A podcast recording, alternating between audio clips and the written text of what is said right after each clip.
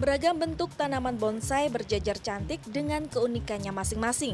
Komposisi, kematangan, keserasian, termasuk pot yang digunakan untuk tanaman bonsai menjadi poin penilaian dalam pameran dan kontes yang digelar di halaman parkir Mall Ciputra World Surabaya, Jawa Timur. Dalam kontesnya, ada beberapa kelas yang bisa diikuti peserta, mulai dari kelas pemula, regional, madya, utama, hingga kelas bintang. Bonsai yang diikutkan kontes dan pameran ini juga dinilai dari tema yang dipilih peserta atau sang artis bonsai. Misalnya tema musim gugur yang ditunjukkan dalam bonsai tidak berdaun ini.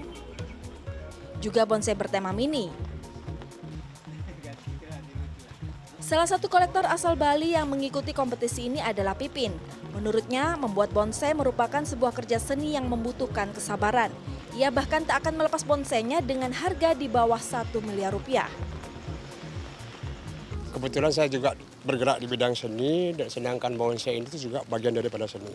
Nah, dari itu saya suka terutama yang jenis santiki, karena karakter ketuaannya itu dari semua pohon santiki yang lebih menonjolnya. Harga bonsai-bonsai dalam pameran ini memang ratusan juta rupiah ke atas.